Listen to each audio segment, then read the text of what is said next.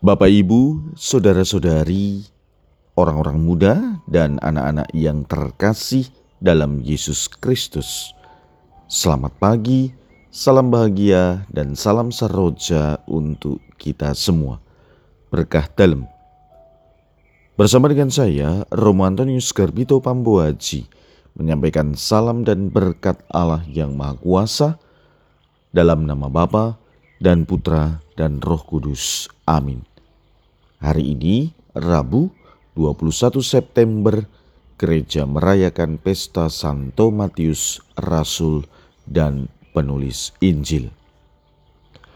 Bacaan pertama dalam liturgi hari ini diambil dari surat Rasul Paulus kepada jemaat di Efesus, bab 4 ayat 1 sampai dengan 7, dilanjutkan 11 sampai dengan 13.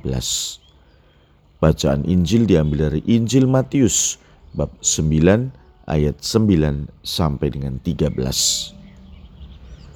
Pada suatu hari Yesus melihat seorang yang bernama Matius duduk di rumah cukai. Yesus berkata kepadanya, "Ikutlah aku." Maka berdirilah Matius lalu mengikuti dia. Kemudian ketika Yesus makan di rumah Matius, datanglah banyak pemungut cukai dan orang berdosa makan bersama-sama dengan dia dan murid-muridnya. Melihat itu berkatalah orang-orang Farisi kepada murid-murid Yesus, "Mengapa gurumu makan bersama dengan pemungut cukai dan orang berdosa?" Yesus mendengarnya dan berkata, "Bukan orang yang sehat yang memerlukan tabib, melainkan orang sakit. Maka pergilah dan pelajarilah arti firman ini. Yang kukendaki ialah belas kasihan dan bukan persembahan." Karena aku datang bukan untuk memanggil orang benar, melainkan orang berdosa. Demikianlah sabda Tuhan. Terpujilah Kristus. Saudara-saudari yang terkasih, hari ini kita merayakan pesta Santo Matius Rasul dan pengarang Injil. Ia dipanggil untuk menjadi bagian dari kehidupan Yesus ketika ia sedang berada di depan meja pajak. Pengalaman panggilannya sangat alamiah karena Yesus memanggilnya ketika ia sedang bekerja. Ia tidak sedang berada dalam sinagoga atau bait Allah. Di tempat ia bekerja yang oleh banyak orang di zaman itu dianggap sebagai tempat orang berdosa, membuat dosa korupsi. Yesus memiliki pandangan yang berbeda dengan orang-orang yang menganggap dirinya suci. Dalam Injil hari ini Yesus mendekati Matius dan memanggilnya, "Matius, ikutlah aku." Matius yang memiliki sapaan Lewi itu segera meninggalkan meja cukainya dan mengikuti Yesus sampai tuntas. Ia memulai ziarah hidupnya yang baru dengan Yesus. Ia sempat membawa rekan-rekannya, yakni para pemungut cukai untuk datang dan makan bersama dengan Yesus di rumahnya.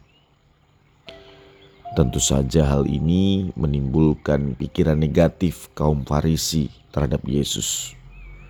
Itulah sebabnya mereka berkata kepada para murid Yesus, "Mengapa gurumu makan bersama-sama dengan pemungut cukai dan orang berdosa?"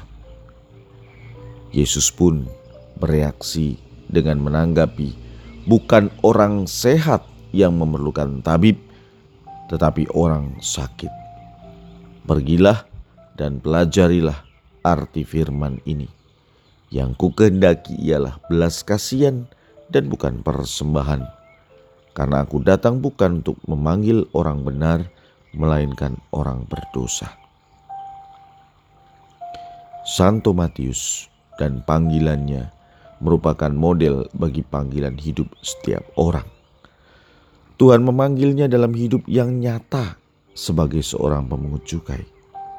Bahkan jelas-jelas Tuhan Yesus memanggilnya saat ia sedang berada di meja cukai.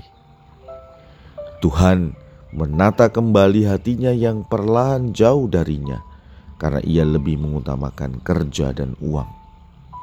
Kini ia memperoleh hidup baru dengan semangat yang baru pula dalam Kristus. Ia berani meninggalkan pekerjaannya supaya lebih bebas melayani Tuhan Yesus. Tuhan juga senantiasa berjalan dalam lorong kehidupan kita. Ia memanggil kita untuk mengikutinya dari dekat. Pertanyaannya, terbukakah hidup kita terhadap ajakan Allah yang mau menyembuhkan kita? Marilah berdoa. Ya Tuhan, semoga kami senantiasa membuka hati terhadap ajakanmu yang tentunya menyelamatkan. Berkat Allah yang Maha Kuasa, dalam nama Bapa dan Putra dan Roh Kudus. Amin.